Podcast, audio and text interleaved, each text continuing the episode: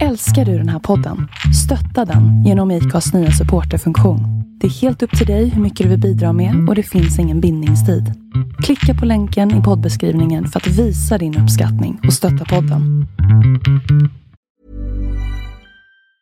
Quality sleep is essential. That's why the Sleep Number Smart Bed is designed for your ever evolving sleep needs. Need a bed that's firmer or softer on either side? Helps you sleep at a comfortable temperature? Sleep Number Smart Beds let you individualize your comfort so you sleep better together. JD Power ranks Sleep Number number 1 in customer satisfaction with mattresses purchased in-store. And now, save 50% on the Sleep Number limited edition Smart Bed for a limited time. For JD Power 2023 award information, visit jdpower.com/awards. Only at a Sleep Number store or sleepnumber.com.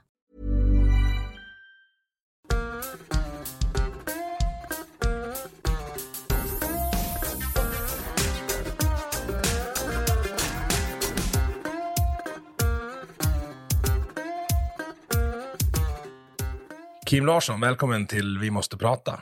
Tack. Alltså för det första måste jag säga att när, när någon säger vi måste prata, det är inte en bra Nej, sak. det är det som är lite idén. med Ja, det är det som är det. Ja. Okej, så jag, jag är lite orolig. Vad är det vi behöver prata om? det är snäppet, det är, men ändå snäppet bättre när man kommer hem till frun och hon säger ser du något nytt? För det är helt kört. Det är liksom- det är det värsta. Funkar, funkar inte det? Det är det värsta som finns. Det kan vara naglar, frisyr, gardiner, köksbord, unge. Det, nej, inte unge. Det borde man veta om man fått en Ja, det ny. tycker jag. Nej, men på den nivån är det eh, hos mig. Jo, men du, vi måste prata för jag tycker att du är lite frän. Och du gör massa fräna saker. Mhm. Och det, eh, så här, vi, vi börjar då. Född i Malung, Yttermalung någonstans på, i början av 80-talet. Mm. Och sen började du spela dator. Eller tv-spel. Ja, tv-spel var väl... Eh, alltså jag har ju alltid haft tv-spel och, och spel som en, en, en salvation, en räddning i mitt liv på något sätt. För att eh, där kan man liksom bestämma förutsättningarna för en värld. Eh, när man kanske som barn inte alls kan det i den riktiga världen. Eh, och sen ett sätt att samlas. Jag hade mycket folk som var hemma hos mig när man spelade och sådär. Och, och det är allt, jag har alltid älskat det på något sätt som... Eh, både att sitta själv men också sitta i sällskap. Så spel har varit en del av mitt liv jämt. Eh, kanske minst nu, fast ändå mest nu. Så det är lite konstigt. Alltså, men själva att jag själv har spelat har, varit, eh, har nog minskat med åren. Jag spelar, jag, jag spelar lite själv på kvällarna, för inte lika bra som, som de du känner. Men det är ju någonting speciellt när, när skärmen slutar att vara skärm, om du förstår vad jag menar. Mm. När du är där. Ja, precis. Det, det blir någon slags transtillstånd. Du, du förflyttar dig själv. Ja, Det kan vara med en bra film också, så kan det bli som om Ja, den liksom ja. sugs in. Jag har nog bilåkning och, och, och, och, och att spela som de två. När man liksom upptäcker att oj, nu har jag kommit sju mil.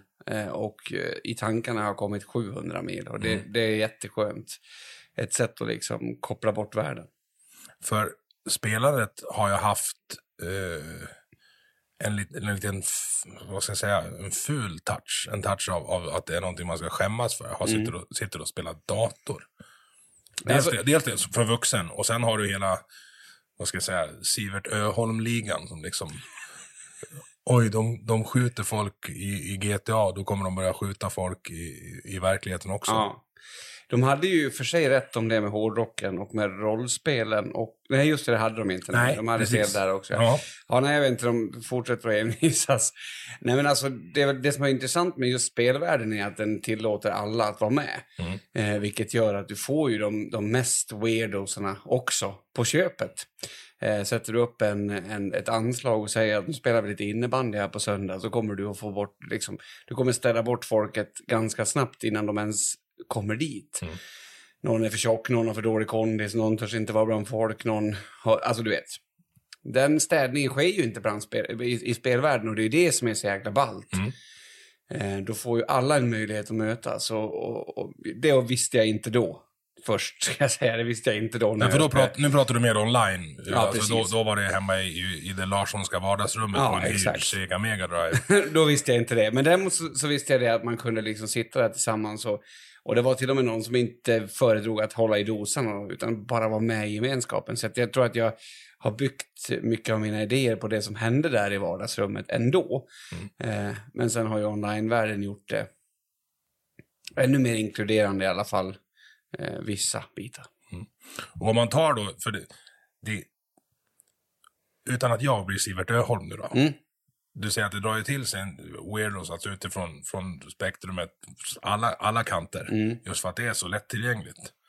Men det, det gjorde ju hårdrocken också, och det gjorde ju rollspelet också. Men man kan ju inte döma majoriteten utifrån vad dårarna gör. Nej, så är det definitivt. Men jag tror att också att det som inte rollspelet och hårdrockarna kanske i samma utsträckning gjorde var ju att dra till sig de som inte var eh, alternativa. Alltså man, man var ju duktiga på att hitta de alternativa. Eh, men spelet hittar ju också de som inte alls är alternativa, som är rena jävla torrbollar om du vill se det så liksom. Och, och den dynamiken tror jag att det är inte många ställen som man hittar den dynamiken på. Och det ger ju en jävla massa problem, men det ger också en jävla massa intressanta möten. Jag tror att man kan hitta den, beroende på vilken personlighet man har. Vissa hittar den, som, som jag hittade den på, på ståplatsläktaren. Mm. Någon hittar den säkert när de sitter och stickar eller slöjdar eller Mm. åker längdskidor eller något annat sånt där som jag har, har svårt för. Men vad jag tolkar som att du säger att det är en av många gemenskaper som finns för de som kanske inte har en gemenskap någon annanstans. Ja, absolut. Ja, Och det måste ju ses som någonting positivt. ja. För jag tänker att eh, om det är någon som är ensam och liksom att det, det har fött en viss aggression hos dem. Så kanske gemenskapen kan rädda dem från att göra något dumt istället för att, för att eh, vad ska jag säga, har nu tappar jag bort ordet, men gör, gör dem ännu mer offside. Mm, jo, absolut. Alltså, så tror jag definitivt. Men jag tror också att det kan vara väldigt normalfungerande människor som helt enkelt bara behöver en break ifrån den vanliga Ja, eh, världen. Så att jag tänker inte att det bara är därför som det är balt med, med hur man liksom bygger upp community och sånt. Allihopa, alla får vara med på något sätt. I alla fall man får en chans till att börja med att vara med. Mm. Chatten dömer ju inte för hur man ser ut. Ja, lite grann om man har något jätteweird nickname sådär. Ja. Men inte annars jag liksom. har haft några sådana Ja. som inte, inte lirar. Nej men det, det, det är spännande, men vad, vad säger folk när, när du berättar vad du jobbar med? Alltså när du säger e-sport, vad, vad, är den, vad är den första reaktionen? Jag tänker folk i vår ålder kanske agerar på ett, reagerar på ett annat sätt än vad, än vad 18-åringar gör. Ja, alltså jag tror att, att för det första så måste man förstå att det har varit en, en punkt i tiden när det har gått från aha till mhm. Och det var ju typ där sju, åtta år sedan när, när, när vanlig media började rapportera om e-sport och började Mm. prata om det är pengar, tyvärr. Tyvärr är det så, för jag tycker att det känns som ett så jävla billigt sätt då. Men det är ju det vi, det är det vi har fått lov att sälja in e-sport med. Att ja, men de, det här finns det pengar i, här finns det reklampengar, vad det nu är. Och, och, och det har ju ändrat mycket. Sen när jag började resa och när jag började att göra saker som eh, den vanliga svennebananen kanske aldrig får göra i sitt liv. Då är det ju svårt att liksom vara anti mot någonting, eh, tänker jag. Så att, ja, men berätta om den storyn då. Du började spela, och nu sa jag så fel spel här innan, så jag vågar inte ens säga. Du började spela Dota. mm, Och Dota står för, Defense of the Ancients. ja. Ja. Och jag har försökt spela det, och det är komplett jävla omöjligt. Ja, det är är det dummast upplagda spelet som existerar, tror jag. Alltså för att det tar så lång tid att lära sig. Ja, och berätta då för, för de som tittar, vad, vad, är, vad är det för typ av spel och varför det tar så lång tid att lära sig? Det är ett taktikspel kan man väl säga. Och om man spelar olika karaktärer, det finns eh, 100-150 karaktärer i spelet och, och alla de här karaktärerna kan ha olika items, vilket gör att det blir en liksom orimlig eh, mängd kombinationer som man kan liksom skapa. Om man tänker sig ett schackbräde, där har vi pjäser som kan göra lite olika saker. Men här har vi många fler och pjäserna kan liksom både gå uppåt och neråt och hoppa ut till grannen och börja fika och allting. va? Och du kan modifiera eh, pjäsens egenskaper ut efter ditt, ditt sätt att använda den. Ja, precis. Så att, och, och sen så, på, så att det, går ju, det går ju fort också. För att i schack väntar du på motståndarens drag. Här får motståndaren skylla sig själv om han inte har gjort något drag. Och så bara rullar det på helt enkelt. Och det var det som jag fastnade för. Jag fastnade egentligen för Counter-Strike först. Eh, 1.6, långt tillbaks. Eh, och det jag fastnade för då var ju att om man kom överens om en strategi och gjorde den tillsammans så bara, då kunde man slå de som var bättre på spelet. Mm. Och jag alltid tyckt det var ballt. Sen eh, började kompisarna spelade andra spelet och jag, jag satt kvar i CS och surade. Eh, Men jag hade ju ingen att spela med så då, då hoppade jag över till Dota och sen var det väl två års att lära sig spelet. Två år. Ja, i alla fall ett år ska jag säga. CS är lite mer lättillgängligt. Det är en första personsskjutare. Du, Mm. du har en bössa, du pekar den på motståndare och så träffar du så dör de. Ja, precis. Eh, Och, och, och det var ju det som jag var så emot i Dota. Stackars eh, Hinders som jag spelar med, han, han, han, liksom, han hade några månader på mig. Så jag satt ju och frågade han hela tiden. Ska jag göra så här? Ska jag köpa en där? Vilken gubbe ska... Ja. Eh, sen vet jag inte, någonstans där på vägen så bara kom det en, en, en turnering i det där spelet. Eller om det var en, en, eh, liga, det spelar ingen roll. För då hände det någonting, då började vi spela tillsammans och började liksom tänka hur många poäng har vi fått och sådär. Och jag har alltid älskat äl, alltså tävlingsmomentet i saker och ting. Så att då fastnade jag helt. Och sen på den vägen så, jag har bytt lag och provat lite olika saker och, och sådär. Eh, och kört på tills jag var bland de bättre i alla fall i kanske Europa. Sen eh, gav jag mig ett tag och eh, TV6 hörde av sig till mig och ville att jag skulle kommentera ett event. Och då var jag helt borta, jag visste ingenting men tänkte att det där sätter jag mig väl in i. Jag får ju ta chansen liksom. Och vi var i, i Stockholm i en studio där. Det var amerikanska tider så vi, när, när vårt arbets, alltså vår arbetsdag var slut och kunde vi käka frukost på hotellet och gå och lägga oss. Och det kändes helt surrealistiskt liksom, att folk tittar på oss. Och det var säkert inte ens många som tittade på oss, men, men själva grejen. Var det här före eller efter att du... Det var, var det här första gången du kommenterade? Ja, jag hade aldrig kommenterat det. Nej. Hur Eh, hittade de dig då? Nej, det var ju baserat på att jag har gjort mycket intervjuer och sånt där. Och, och sen gjorde jag sånger på YouTube. Jag gjorde om, gjorde om vanliga låtar och skrev om Dota istället i låtarna. Jag gjorde det som ett skämt första gången. Det finns en, en låt med, vad heter de, Three Doors Down. Mm. I'm here without you baby. Mm. Och då hade jag en spelare i mitt lag som heter Baby Night. Så då beskrev jag hur det kändes när han var på andra sidan kartan och, och slogs och vi behövde han. Så jag tog den låten. Och sen så vaknade jag på morgonen efter jag lagt ut det här klippet med en skitdålig kamera som, alltså du vet, det låter illa. Jag Satt du med gitarr och spelade? Ja, precis. Ja. och barn i bakgrunden som skrek och jag hade texten på en lapp som jag vände mitt i låten för att, du vet, det var inte ens planerat. Ingen vidare produktionsnivå? Nej, nej, nej. Det var inte tanken heller. Så bara 25 000 har kollat på den här videon. Medan du sov? Ja. Första dagen? Precis. Så kände jag så här, okej, det här ska jag göra om en gång. Så det har jag gjort sedan dess. Jag har faktiskt gjort en seriös produktion av en låt också, fast det är ju väldigt mycket skämt. Eh, det är ju alltså ett... Man tar en låt och sen så gör man om den till att handla om, om spelet. Mm. Jag har gjort samma sak med om hockey några gånger. Ja, vi kanske ska slå våra huvuden ihop då. om låten Köttsport, för det ska vi komma in på. Så, här, vi ligger här kvar på YouTube, de här låtarna? Ja, ja. Ja, men då, då länkar vi dem under, under klippet för er som kollar på YouTube och eh, i avsnittsbeskrivningen för er som lyssnar på podden.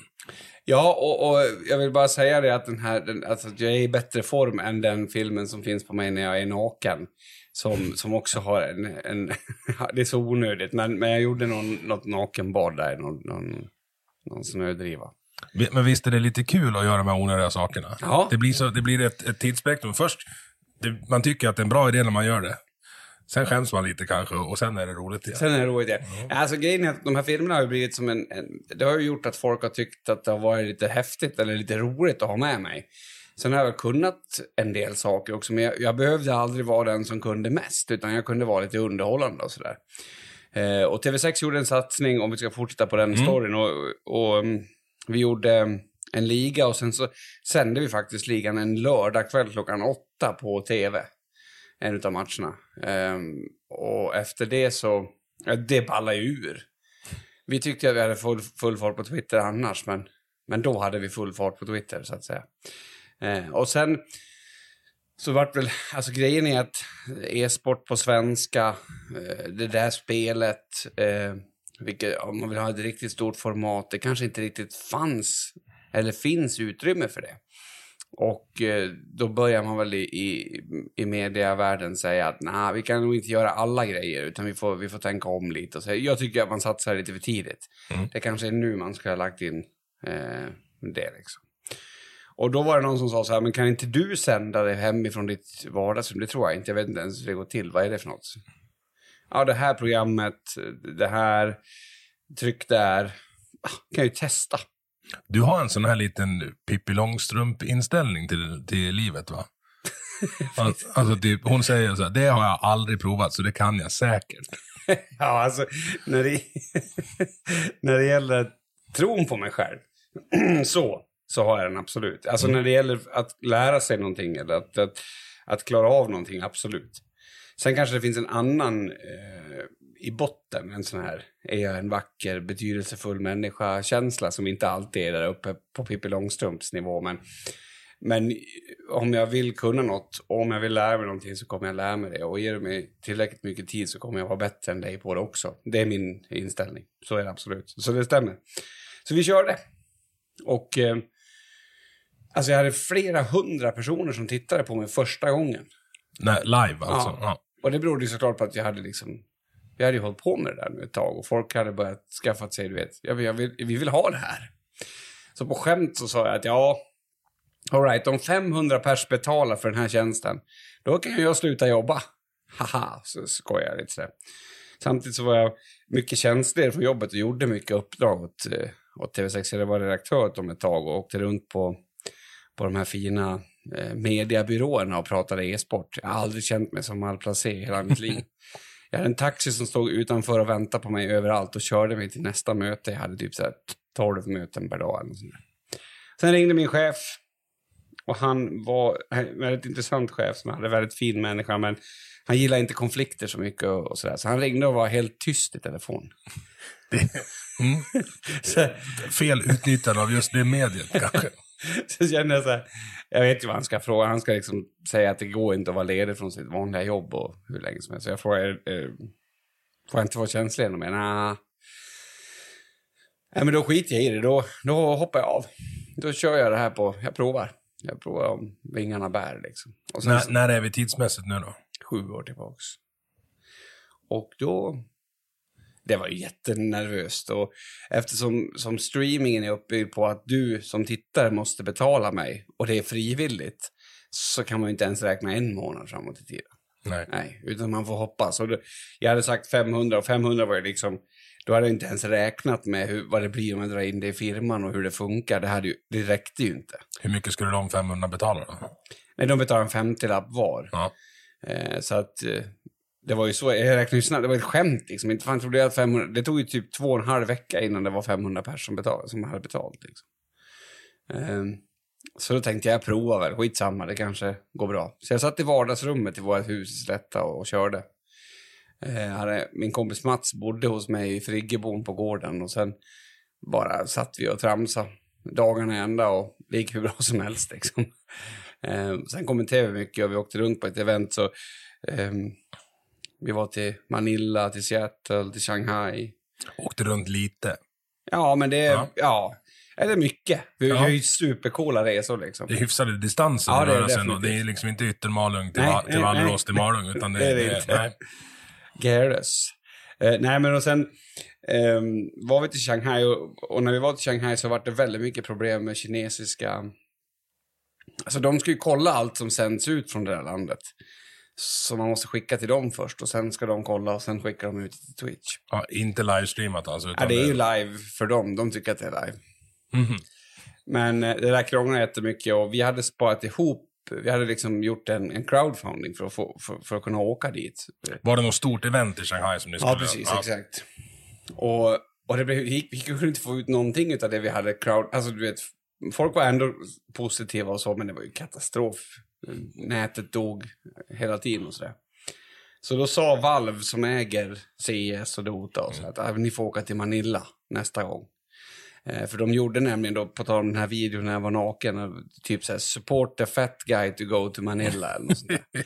eh, och då eh, så åkte vi dit. Så, så det var mycket sånt, men, men under den här perioden så, alltså det var ju slitsamt. Jag hade en känsla av att jag måste skynda mig att bli klar. Liksom, skynda mig att få, få in mer medlemmar, skynda mig att och, och, och sända allt som fanns, vilket betyder att du vet det här, folk säger ja men du är egen så du har ju verkligen kontroll över din tid. Mm.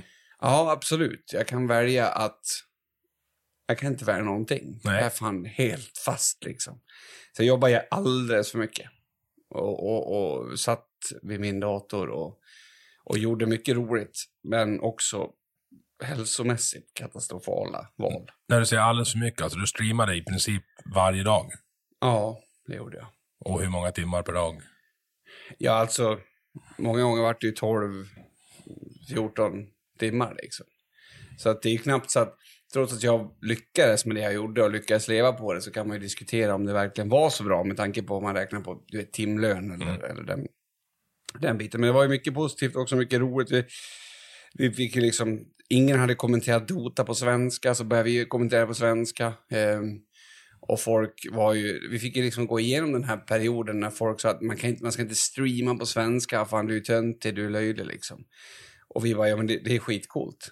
Det är klart att vi ska streama på svenska. Och då var det många som trodde att vi gjorde det för att, att liksom vi inte klarar av det på engelska. Men det var liksom, det, det började så, då körde vi på så. Och när jag hade sagt att det finns en karaktär i spelet som heter Kunka. Och han har en, en spell som heter Ghost Chip. Eh, och det kallar jag för båten, såklart. Ja, Ja. Det, Eh, då gjorde de t-shirts eh, i, på, på TV6 som det står “Här kommer båten”. För det var så jag sa i, i... Och sen blev det liksom, det blev en grej och vi körde på. Många streamers tog efter sen och började köra på svenska. Och idag, om du går in på en kanal och någon kör på svenska så kommer ingen att säga så här “Fan vad löjligt det låter på svenska” för att det är liksom... Den pucken har vi redan kört över. Så det var jävligt kul att vara med i början. det. Jag säger inte att vi var först, men jag säger att vi, vi gjorde det störst först kanske. du var någon slags pionjär i alla fall. Ja, det, det måste jag nog säga att jag var i, i just den världen i alla fall. Sen kommenterade vi och, och siffrorna ökade ganska rejält när det gick bra för ett lag, ett svenskt lag som heter Alliance. Och det var dem vi följde. Eh, och drömmen om att de skulle nå den piken de hade under The International 3. Eh, var, The International 3 är alltså... Eh, The International det är en tävling som går varje år i, Ja. i, i, i olika länder nu för tiden. Och som samlar de 16 bästa lagen i det här spelet. Och som också är känt för att ha de största prispengarna eller prissummorna i hela e-sporten. Och då pratar vi miljoner. Ja, förra året tror jag att de fick 100 mille, de, det laget som vann. 100 Eller mille. det var 50 mille. Nej, 100 svenska miljoner va? Ja, shit. Eh, Citera inte mig tänkte jag säga, men det här spelas ju in. ja, Alltså, eh, många miljoner. ja. Alltså, så, och steget därifrån, alltså om jag tänker, nu var inte, nu var inte du med och vann 100 svenska miljoner. Nej. Men från att hyra ett Sega Mega Drive Mm. och kanske, nu vet jag inte hur dina föräldrar eh, var, men mina föräldrar var inte intresserade av att jag skulle spela tv-spel. Så var det. Mm. Så här, du måste, måste arbeta. Till 100 miljoner Ja. på 30 år. ja, ungefär. Det är ju en makalös utveckling. Ja, det är definitivt. Och, och om man då har i åtanke att du kan stryka de första 20 åren, för då händer det ingenting. Så blir det ännu mer ballat liksom. Ja, men det lades ju ändå grunden till det. Spelindustrin tjänade ju mer och mer pengar. Ja, så är det ju definitivt. Nintendo, Super Mm. Nintendo, eh, hela Playstation, introduktionen och Xbox och allt det här. Ja, det, hänger, det hänger definitivt ihop. Nej, men det, det, det har varit superspännande. Och, jag menar, går du på DreamHack till exempel, som är en datorspelsfestival i Sverige, så då känner ju folk igen mig liksom och tycker Mm. att det är ballt och vill ta bilder och sådär. Och jag har kanske sakta förstått att det är ju så. Såklart, eftersom de sitter ju och tittar på mig många timmar. Liksom. Mm. Jag har ju träffat folk som, som kommer och sätter sig bredvid mig och bara tja. Bara, jag, jag vet inte vem du är, men tja. Liksom. Ja, just ja. Och det är för att det- det blir så absurt att, någon, att du, du, du liksom har en dialog med någon. Mm. Det upplevs så, fast bara från ett håll. Du är ju hemma hos dem. Precis. Det är som att jag skulle dra för en gardin här nu, men ni såg mig ändå med kameror. Och sen så känns det som att ni känner mig, men jag vet inte vilka ni är liksom. Nej, så vi, det jag kände när jag, när, vi höll, när jag började med det här och när vi har hållit på med det ett tag var att jag kom ju från liksom pedagogisk verksamhet, att möta människor i kris och sådär. Så att jag, det kliade väl lite i, i arslet på att man inte gjorde någonting som faktiskt är meningsfullt. Eh, om man vill vara lite cynisk. Sen tror jag Pedagogiskt, alltså du, du utbildar dig samtidigt som du höll på. Nej, nej, utan jag menar att det är det jag har jobbat med. Jag jobbar med ensamkommande flyktingbarn, jag jobbar på behandlingshem, jobbar med människor i kris. Liksom. Det är det jag har gjort. Så att vi försökte, vi satsade ganska mycket på att få en, en städad chatt och att man skulle kunna liksom komma in och prata om saker utan att bli hängd eh, digitalt. Då. Och det var jävligt spännande. Så vi har ju haft sådana meetups när vi har hyrt en krog i, i Göteborg och det har kommit hundra pers och vi har suttit och pratat liksom. Och det är en, en, då förstår jag att vi kanske gjorde någonting meningsfullt ändå för att vi mötte människor från alla samhällsklasser på samma fest. Det är sällan man gör det. Någon som kanske inte hade varit ut i sådana här sammanhang på flera år eller ens aldrig till någon som satt med en lång rock och såg ut som att det här är liksom någonting han gör varje dag. Så det var jävligt spännande. Det var en spännande period. Men sen, eh, som sagt, hälsan tog mycket stryk. Det hade vi nog inte behövt gjort. Jag ska inte såga liksom eh, arbetsformatet, men... Jag tror så här, oavsett vad du jobbar med, börjar du närma dig 14, 15, 16 timmar arbete per dag, Mm. så är inte det hälsosamt. Nej, Nej så är det ju. Eh, men jag körde, jag körde i botten istället. Så slipper man lära sig någonting på vägen. Man kan lära sig på Ja. slutet istället. Du kraschar. Ja, jag var, sista året var jag eh, alltså, fysiskt sjuk. Ehm, jag var och kollade upp, jag hade så jäkla ont i armar och ben och, och ryggen var väl en sak, det får man ju när man sitter liksom. Jag, men jag hade värk och jag kunde knappt stå på fötterna på morgonen. Oftast fick jag sitta på sängkanten och vänta på att fötterna skulle vakna liksom. Ehm, och det vart, eh, var på mycket utredningar och, och de till och med röntgade skallen och kollade om jag hade någon så här ärftlig konstig sjukdom där. Och, ja, det hade du, nej det hade du inte och sådär. Så det blev rätt så krisigt. Jag började känna så här, de hittar inget fel. Det kanske är så att jag, du vet, har blivit som, som män kan bli. När livet inte är bra, man inte är nöjd med livet så får man ont i kroppen istället. Hur var det, eh, vad hade du för typ av situation utanför jobbet då? Alltså familjen, fanns den där då? Ja, absolut. Och jag, alltså, det var bra. Mm. Men jag tänkte jag kanske inbillar mig att det är bra. Så det vart en, en, en jävla kris faktiskt, där jag började fundera på om jag skulle vara, vara kvar i det där äktenskapet. Alltså alltihop vart då. För, Mm. för vad var felet? Sen eh, när det hade gått ungefär ett år och jag skulle typ bli avskriven, så då upptäckte man att man glömt att kolla ett av mina värden. Eller man har inte ens glömt att kolla, man har kollat det men inte reagerat på det.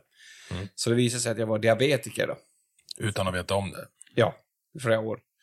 Och det förklarar ju varför jag alltid sov mycket och sådär och varför jag hade en eh, vattenflaska bredvid mig vid datorn jämt som jag slukade. eh, och jag tänkte att det kanske beror på att jag pratar mycket, det är inte helt orimligt liksom. Eh, och då, då så, då fick jag liksom fundera över vad, vad ska jag göra med det här nu? Och jag kände att om jag kollar tillbaks fem år på vad jag har gjort med mitt liv Mm. så kan det ju omöjligt vara så att jag ska medicinera det jag har gjort. Det måste ju vara felet, måste ju vara vad jag har gjort med min kropp. Inte att jag råkar ha en gen som inte tål att man, att man äter upp hela minibaren varje natt på hotellet man bor. Eh, Den genen har nog alla. jag tror att den genen har alla i någon utsträckning. Liksom. Och eh, min läkare tyckte ju att jag var... Det hördes på hon då, jag bodde i stan då, att hon tyckte nog att jag var en gubbe från landet som liksom inte förstod allvaret i det här. Fast jag, jag förstod verkligen allvaret. Så jag bestämde mig då att jag ska se om jag kan göra någonting åt det här och, och liksom eh, reda ut livet. Så sen ändrade jag min livssituation ganska radikalt. Mm, berätta. Ja, alltså, jag började med att, att jag, alltså, jag hade en mörk torsdag. Det var en väldigt mörk torsdag när jag tänkte, dels liksom om jag skulle stanna i tanken att man kan alltså förstöra sig själv eh, om man vill på fem års tid. Det är en ganska depressiv tanke liksom, eller om jag skulle stanna i tanken att fan nu ska jag göra någon förändring här. Så jag gick och, och wobblade mellan där och sen tänkte jag att äh, jag kan ingenting om det här, så nu ska jag lära mig allting jag kan om det här. Pippi Långstrump igen. Ja, det kanske är Och det där självförtroendet som du pratar om. Att Ja. får du tid så kan du lära dig vad du vill. Ja, ja, ja så- var det nog. Det jag liksom hann lära mig på, på, på den kvällens läsning var ju att eh, du vet, kolhydrater och socker höjer blodsockret. Så jag tog bort alla. Och sen så bara rasade jag i vikt. Alltså, och det tog typ tre dagar sedan bara, bara jag pigg.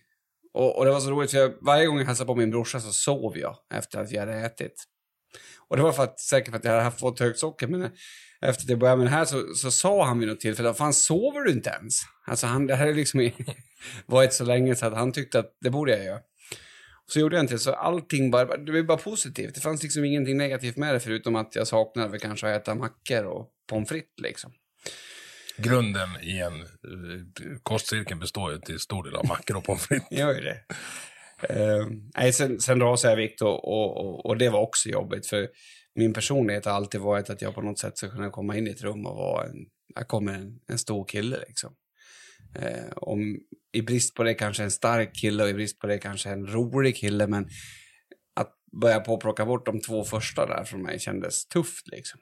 Och det var ju tufft också. Det var ju en, en, resa som gjorde att man mentalt hade... Det var jobbigt liksom. Även om, även om allting var positivt så förändrade ju mitt liv och mitt sätt att se på saker och ting. Mitt sätt att se på att sitta still hela dagarna. Du, du behöver inte läsa jättemånga studier om stillasittande för att förstå att all right, vi behöver göra lite andra grejer mm. också. Och, och det, behöver, det behöver inte ändra så mycket. Alltså upp, gör lite armhävningar en gång i halvtimmen. Så, ja, är, så är du liksom... Absolut. Nej, men, och, och jag tror att det var det som var svårt för att jag jag kunde liksom inte ge mig. Jag ville verkligen förstå hur hänger det här ihop. Vad, vad, är, vad är insulinresistens? Vad, vad är den här sjukdomen? Vad, kan man ändra den? Eh, kan man bli frisk från den? Eh, vad är det som är kroniskt? Så att jag, jag läste i två års tid, en halvtimme varje kväll, det var ungefär vad jag hade tid med. Och det var studier. Och, och eh, en timme varje kväll ska jag säga och försökte att lära mig så mycket som möjligt samtidigt som jag förändrade kroppen så mycket som möjligt. Och, och efter typ ett halvår så ja, då hade jag tappat 25 kilo och kollade mig själv i spegeln och tänkte, vem fan är du? Det är ett kilo i veckan Ja, alltså, ja, ja absolut. Det, bara, det gick fortare i början till och med. Eh, och sen tänkte jag att, hur ska jag definiera frisk liksom? Och med de måtten jag hade då så köpte jag mig en pizza och käkade den och kollade om blodsockret höll. Ja, det höll sig inom ramarna ah, fan det kanske finns hopp. Så sen körde jag på. Sen, sen har jag lagt in träning i min vardag och jag gick, tappade 40 kilo totalt innan det blev... Hur god var den där pizzan då efter ett halvår? Den var inte så god. Det var ju mest liksom att jag kollade på den jävla mätaren och sådär. Nu kan jag ju säga i efterhand att det är jättedåligt exempel att ta en pizza för att blodsockerspiken pågår ju i sex timmar och är ganska låg.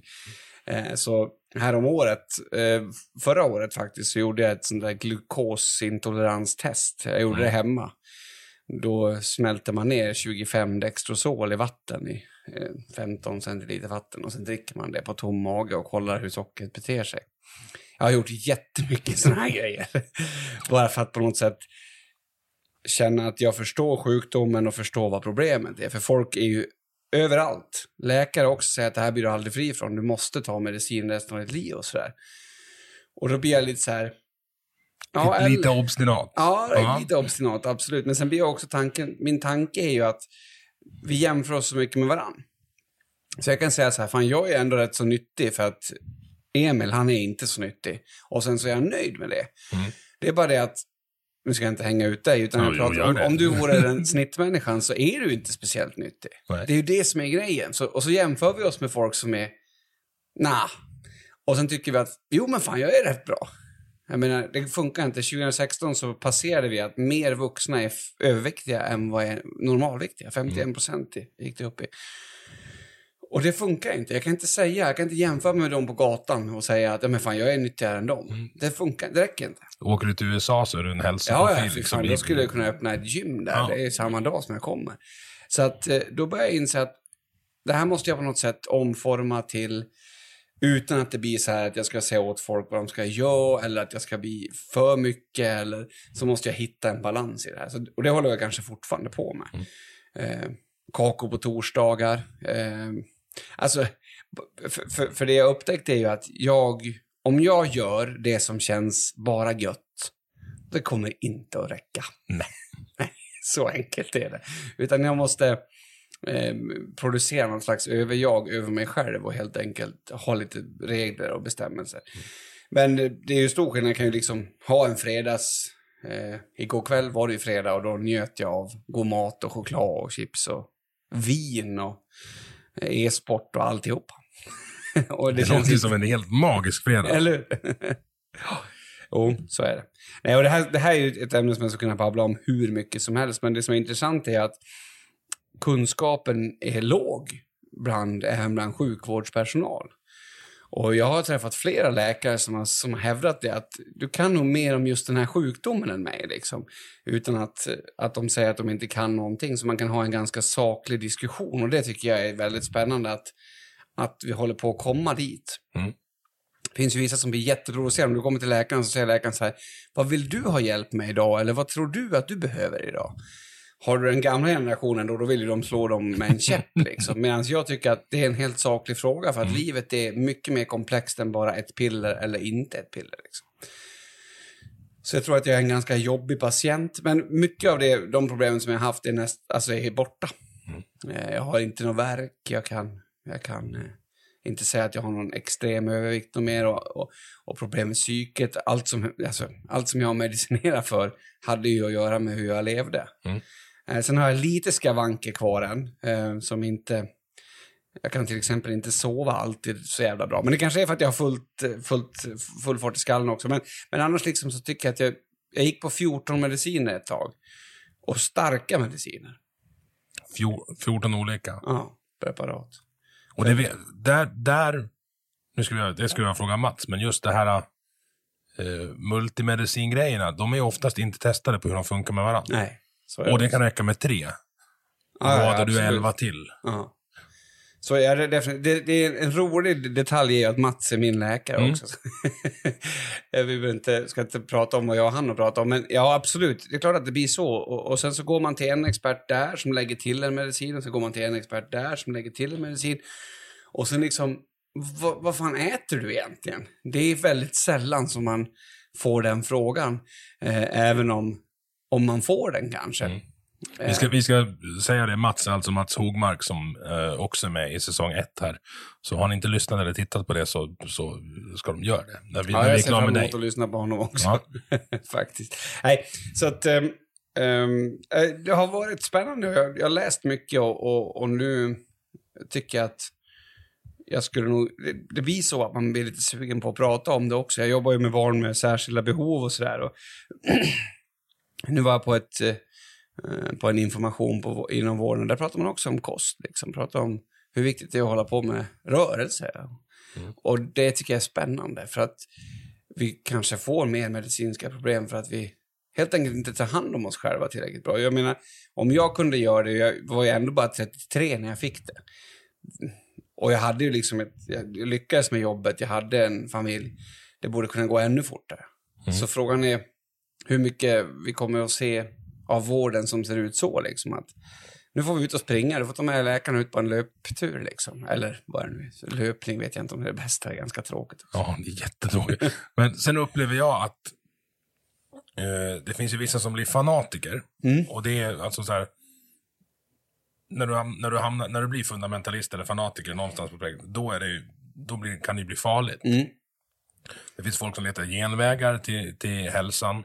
Och min teori här, och nu provpratar jag bara, för det, det får man göra här. Mm.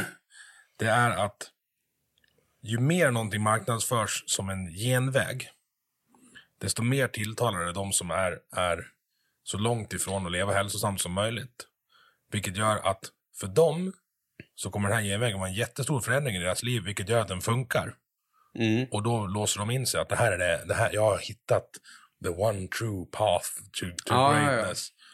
Jo, men det tror jag möjligt. Alltså, och du pratar om det här med att bli fanatiker. Det tror jag att jag också var under resans gång. Mm. Eh, det är ju ganska lätt att bli fanatiker när man en dag inte kommer ur sängen och på tre dagar... Ja, men det är det jag menar. Ja. Du, var, du var ju långt ner i skiten Precis. när du började, började rätta till. Men då får man ge sig själv lite tid och sen så får man hoppas att, att människor runt omkring en ger en lite tid också att förstå att, att det måste lägga sig lite grann. Mm. Eh, eh, så. Sen tror jag genvägar, det är ju det vi letar hela tiden. Och det är ju så som, som medicinen ser ut många gånger, att man, att man letar genvägar. Det finns ju en, en medicin för diabetes som, som gör helt enkelt att kroppen kissar ut sockret eh, tidigare än annars. Och det- där jag kan bli så provocerad av den tanken. Liksom. Ett alternativ är att inte stoppa det i munnen. Nej, det tror jag inte är ett alternativ. Utan vi ska kissa ut sockret. Jag såg, såg nu i, i, i det här med gastric bypass och så för all del säkert många som behöver det. Jag blev erbjuden det tre gånger. På fjärde gången så sa jag du får inte fråga något mer. Nu blir jag provocerad om du frågar något mer. För då hade det redan gått ner 35-40 kilo. Mm. Men där finns det ju någon slags pump så att du kan fortfarande äta lika mycket som alla andra och sen tar du ut det innan det liksom har hunnit. Jag är inte helt insatt men Alltså typ som en stomipåse fast på magsäcken. fast på, ja men typ att du tar ut det direkt så att du inte hinner få i dig så mycket av det. Och, och jag tänker så här, Det är ju, det alltså det är ju, vad ska jag säga, det är ju tekniskt assisterad anorexi. ja. Eller bulimi är det. Ja, alltså, eller, istället, eller bulimi. istället för att kanske. Ja, kräkas. precis. För att, för att på något sätt så... Sen finns det så, häng med inte, det finns säkert folk som behöver det och Ja, ja absolut. det, men- absolut. Men, men det känns som att vi har hamnat där i att vi ska liksom anpassa oss så mycket som möjligt efter patienten. Så att den, och det är ju bra. Det är så vi måste jobba för att möta de allra flesta pa- patienter. Men när anpassningen blir så stor så att man inte gör någon förändring i sig själv. Och sen så ser man att ja, men, diabetes typ 2 det har en jättestor genetisk koppling. Mm. Ja. Men om jag äter en massa skit och lever på ett skitsätt, hur Då tror kommer dina ungar, ja, ja, ja. Det är Alltså- arv och miljö, Ja. i det hela också. Och jag, jag blir lite provocerad där. Och, det blir jag också provocerad av, av gene, genforskning överhuvudtaget. Liksom, att ja, men det här ser genetiskt ut. Jo, fast sen vet jag att man kan påverka sina gener. Man vet att om jag lever på ett annat sätt så kommer generna inte aktiveras på samma sätt. Nu är inte jag någon gen, ta det lugnt, men, men jag vet inte. Det, det har blivit liksom... Um, och, och, och det är inte bara i de här sjukdomarna. Titta på, på NPF-spektrat när man liksom söker efter svaret på, ja men det är därför det inte funkar, för att jag har den här diagnosen. Och för all del det kanske stämmer, men det kan också vara så att, att den här diagnosen och alla dess kriterier uppfylls på grund av att, att som miljön och som livet ser ut så blir det så här för det här barnet. Mm. Eh, och det här ska man passa sig för att säga i specifika fall. Jag, jag pratar bara allmänt just Du får prata om mig om du vill, som, som är på, är på spekta.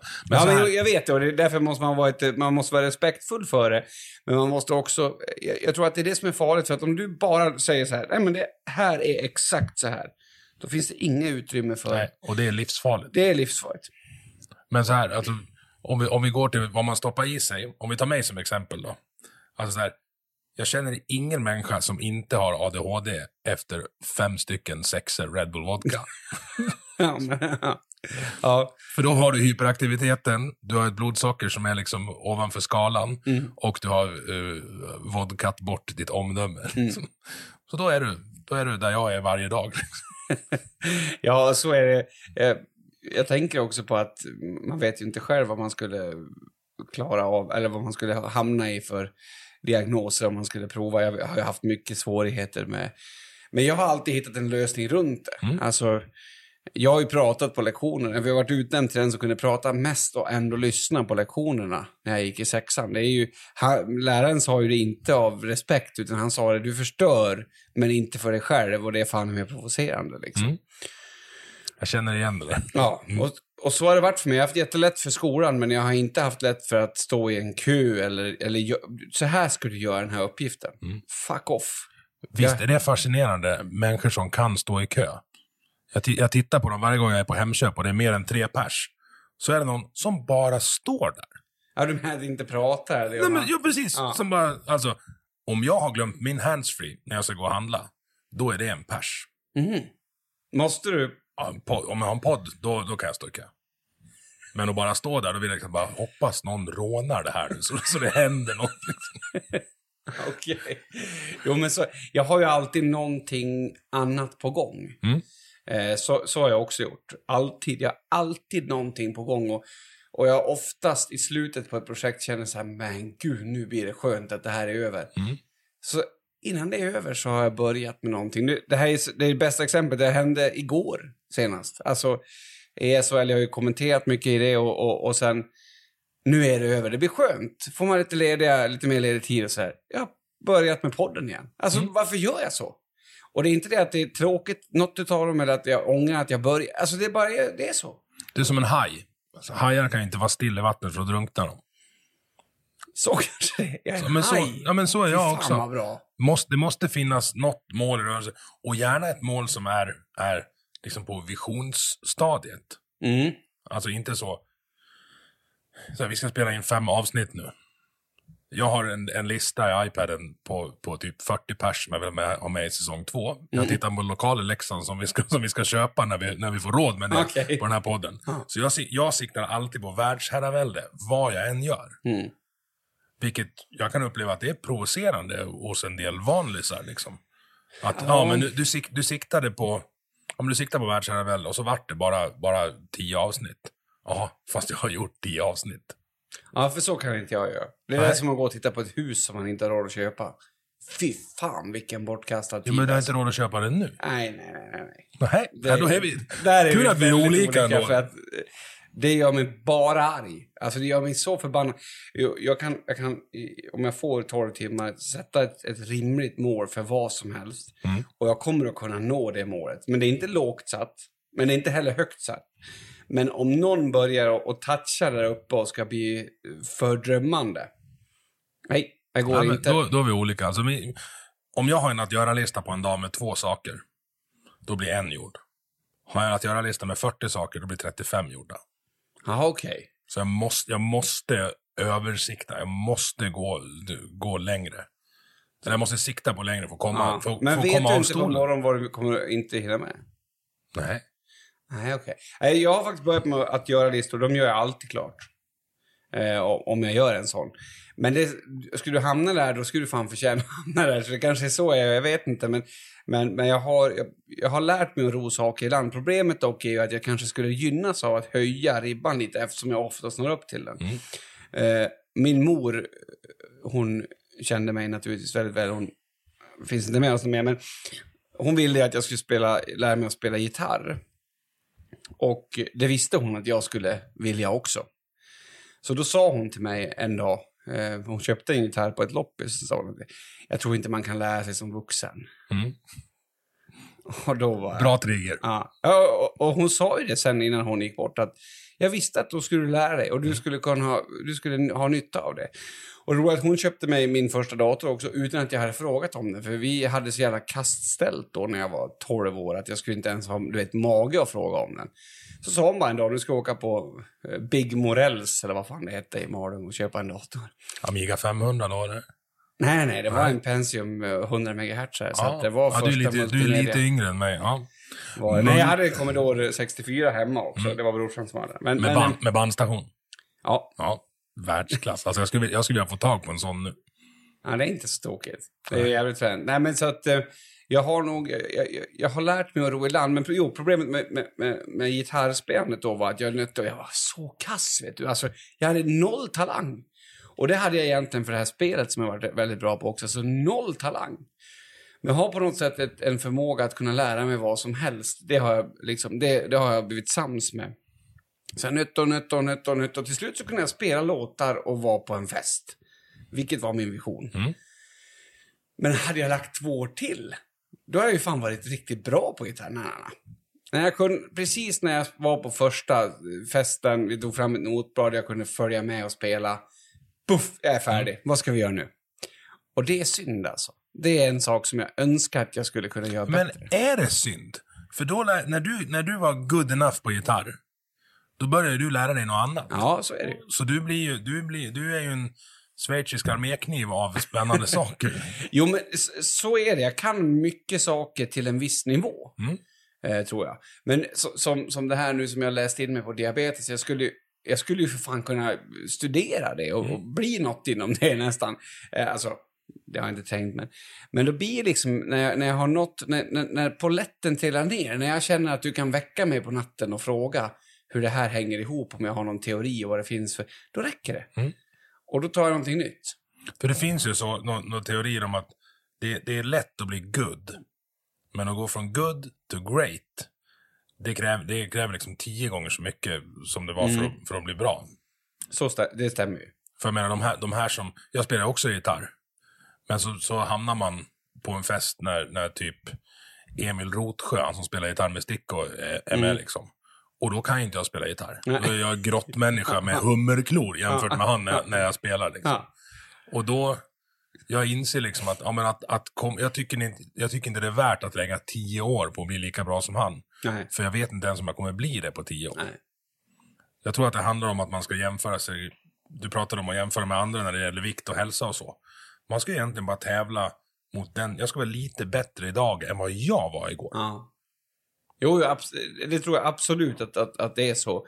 Och det, det väl kanske därför som jag skulle vilja lägga en liten stund till på varje projekt jag Mm. har för att bli lite bättre. Det är ju, när jag började nu att kommentera eh, NHL så jag kunde ju ingenting.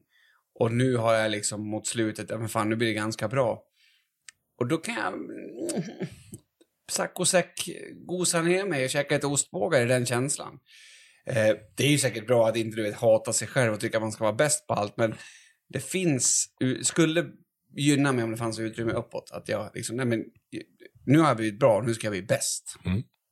Har du några förebilder? Och då pratar jag inte bara inom alltså, e-sport eller gitarr, utan kanske andligt är ett sånt jävla pajigt ord. Men förstår, förstår du vad jag menar? Mm. Alltså, är det någon som inspirerar dig? Alltså Lars Winnerbäck. Den var oväntad. Det finns ett Lars Winnerbäck-citat för allt. Jag har lyssnat väldigt mycket på honom. Ehm, och han har... eh, han skriver på ett sätt som jag gillar. Så gillar jag Bob Hansson. Mm. Diktaren. Djuping.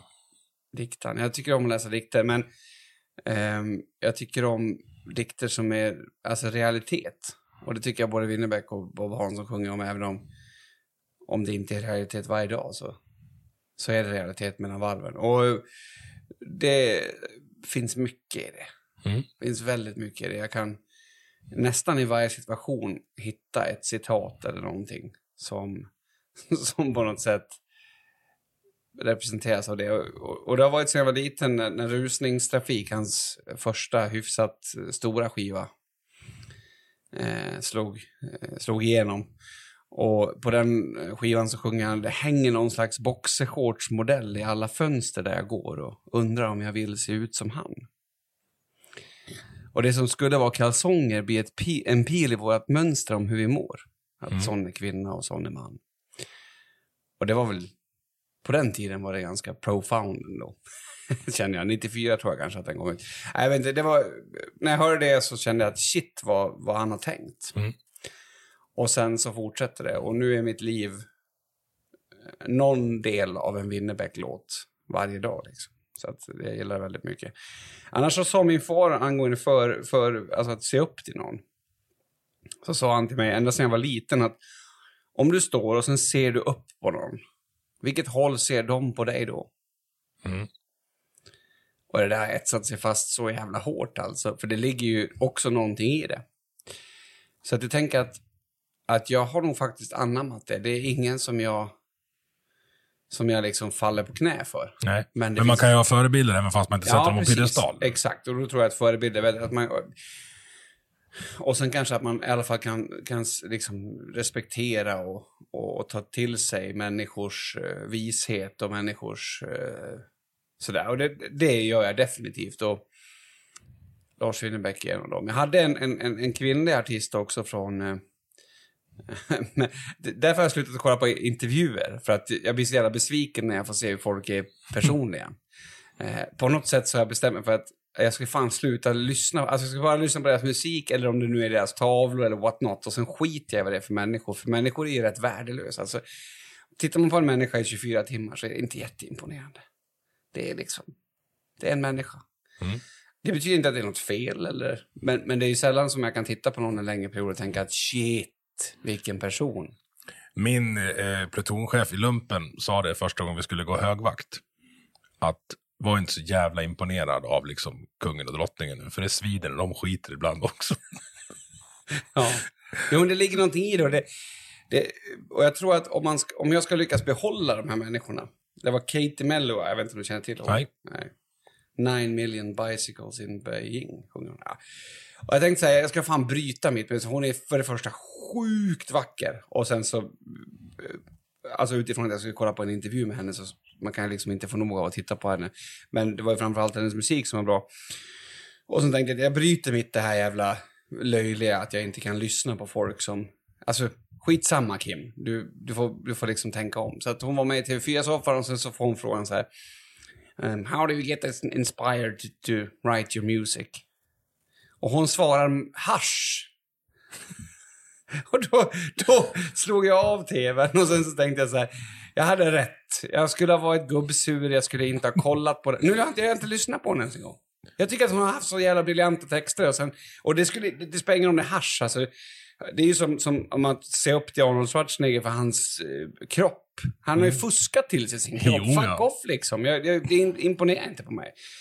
Så nu... eh, nu har jag ju kanske gjort bort mig igen för att jag har nämligen bjudit hit Bob Hansson på en föreläsning på skolan. Så att där kanske det skiter sig en gång till då. Men han har... Um, Han får väl ta det där. Jag, jag tror inte jag kommer gilla han personligen. det är liksom min känsla. Eh, folk, vad folk gör, vad folk skapar, det har jag lätt att, att förstå. Men när man möter en människa personligen så önskar jag att jag fick möta någon som känns som, du vet, Dalai Lama eller någon, någon som man verkligen känner så här, shit om jag kunde leva mitt liv som du. Mm. Men kanske beroende på min, på min pappa och hans ord så blir det liksom mer så här, alltså vad fan, du är rätt tråkig. Du är ingen speciell. Så blir det. Det är ju hemskt. Sen blir, alltså det blir väl så om du, om du bildar en uppfattning om en människa på distans, eller vad du ser, som, som i det här fallet, de- ja. Mm. deras liksom verk och verkshöjden på det. Och så får du se, jag tänker det är många... Jag, jag hängde en del på Flashback när jag var yngre. Ja. Och det är så här, så här, ja, Robert Gustafsson, han är så jävla otrevlig när man träffar honom i verkligheten. Men då tror ju de att Robert Gustafsson är liksom killen från Nile City som är hysteriskt rolig hela tiden. Mm. Och det går ju inte att leva upp Nej. till i vardagen. Det är det är, alltså det är tekniskt omöjligt att vara så rolig som han är när han har liksom studiobelysning Ja, visst, och hundra tagningar på sig. Och, och liksom Johan Rheborg och studsa saker på. Det blir ganska kul då. Det blir ju det. Och så träffar man han hetsig när han har glömt att köpa alla hjärtans dag-present. Och så frågar man, kan du säga något roligt? Kan du, var, var har du illen? Och han bara, låt mig vara. Och så går han. Ganska förståeligt. Jo, men det är ju det. Och jag tänker också att de här människorna som skriver mycket om livet, det är ju för att de har en process i sig att de är ganska torn, liksom pl- plågade. Klart som fan att de inte går runt och, och... Om de skulle gå runt och bara säga de här sakerna hela tiden, då skulle de inte behöva skriva dem. Då skulle de sitta på någon båt någonstans och vara världens lyckligaste. Så att jag förstår det intellektuellt, men jag har bara gjort ett val där att liksom kliva åt sidan. Sen kan det vara roligt när man, när man upptäcker motsatsen dock, och det gillar ju jag. Alltså att när man... Eh, jag har ju inte varit så inbiten hockeyfan eh, när jag kom hit. Men det insåg jag ju att det kommer jag nog att bli, eller så får jag välja någon annan väg. När, för det är mycket hockey i den här byn. Och eh, då tycker jag att eh, en, en sån här positiv upplevelse, det är ju Knuts. Mm. Som, som är en hockeyspelare, liksom. han är från Malung, du, du vet, allt sådär. Och sen så när man ser han eh, på, ja, men ser han sitta och käka mat tillsammans med sin familj eller, och, och få den här känslan av att fan, så där har jag nog inte tänkt mig. Det gillar jag. Alltså jag gillar när människor visar alltså när, när folk visar mig att fan, du, har- du har bara fördomar, du har fel eller du vet, du kanske har tänkt för smalt här. Det tror jag att jag behöver också typ en daglig dos av ganska skarp för att annars så kommer jag vara sur, bitter och gubbe eh, snabbt. Det kommer att bara rasa. Så jag vill hålla mig ute bland folk och, och, vi, och det här visar att mina tankar är fel. Liksom. Nu viftar ljudkillen att du dunkar lite för... Nej. Eh, Kim berättade innan här att i hans podd så har han en, en ljudfanatiker med som, som blir arg när, Ja. du, när du slår i micken. Och det har vi här också. Det är lugnt. Nej, han, är så, han är så snäll, Andreas. Så det, det är lugnt. Du, jag vill backa tillbaks till början. Du sa att tv-spelet, eh, det där Nintendo 8-bitars, eller det hyrda Sega Mm. Mega Drivet, var en räddning från något. Mm. Från vad då? Ja, alltså jag tror att, jag tror att ehm, min tillvaro har nog varit bra mycket sämre än vad, vad jag har liksom tänkt att den har varit. Jag tror att jag insåg det när jag gick min utbildning. Jag gick en utbildning och var tvungen att gå psyko, eh, psykoterapi sex gånger. Och sen så kommer den här psykoterapeuten fram till att jag är ett sånt här maskrosbarn. Och intellektuellt så vet jag exakt vad det är. Det är liksom barn som har haft det skitjobbigt men det har gått bra ändå. Jag blev så provocerad så jag tog med mig det där till klassen. Eh, för det ingick liksom i klassuppgiften. Att, att, att, eh, ja, men du vet, att analysera sig själv och det där. Så, så, så tog jag med mig det sen så ska jag kolla om de höll med. Liksom, har hon inte sett mig fel? Och hon måste ha överdrivit om att jag är ett, ett sånt. Och sen så sitter en, en ring med människor som känner mig ganska väl då efter några års studier. Eh, 30 pers och alla lutar på huvudet och säger typ så här. Nej. Och det var ju typ en av mina största vuxna kriser. Jag gick runt i mjukisbyxor i två år efter det. tror jag. För att jag har nog alltid, jag har nog alltid liksom bara krigat på. och gjort sken av att det går bra och, och gjort någonting bra utav det också. Har, har, har någon eh, farsgubben kommit hem och varit full och gjort något dumt så då gör jag ett skämt av det och sen så berättar jag det tio gånger och sen så tycker folk att det är roligt till slut och sen så släpper vi det. Och, och det var mycket det, alltså att jag fick tid att vila ifrån det tror jag. Alltså jag hade en helt vanlig uppväxt fast med eh, ändå dåliga förutsättningar har jag ju förstått i vuxen ålder. Jag kan nästan inte ens säga att det stämmer nu för att det är så, så liksom, det är inte mitt sätt att approacha problemet på. Men givetvis var det eh, dåligt mellan varven och jag tror att det var det som jag blev räddad från. Tekniken gjorde liksom att jag kunde hitta någonstans där jag kunde styra allting som hände. Jag kunde bestämma hur det skulle gå till.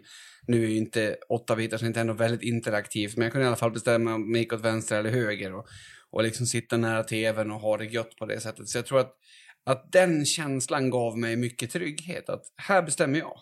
Tycker jag där så hoppar någon, tycker jag där så skjuter de och där backar de och går framåt. Och det är mycket den känslan som jag har tyckt om även som äldre som spelare. Så att egentligen tävlingsmomentet har ju sugit för att då försöker man ju förstöra det här för varandra. Det, det godaste har ändå varit det här med att fan, jag kan kontrollera världen. Jag har kontroll. Så det skulle jag nog säga att, att det handlar om eh, räddningen. Och sen i, i äldre åldrar att jag hittade en plats där jag kunde vara mig själv.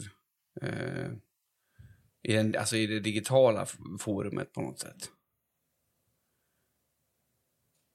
Är det jobbigt då? Vart är jobbigt nu?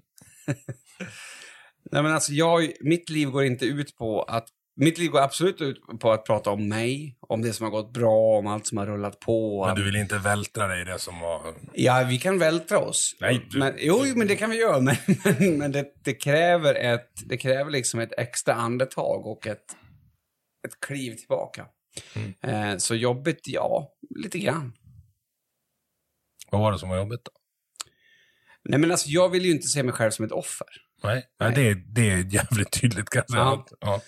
Och det är liksom, genom att berätta hur det var så kommer jag bli ett offer. Mm. Eh, för någon som tycker att, för jag tycker inte synd om mig utan ställ krav på mig, eh, ge mig en smäll när jag inte sköter mig och säg när jag är bra, absolut. Men, men tyck fan inte synd om mig. Så det är nog det som jag hamnar i mest som blir jobbigast. Liksom. Då, då släpper vi det och så går vi in i e-sporten nu. Okej. Där du har kontroll. Nej, det vet jag inte. Så här, du är manager för, för eh, Leksands IFs eh, EA Sports NHL-lag. Mm. Det är så jag hittar på dig över, Ja, just det. överhuvudtaget.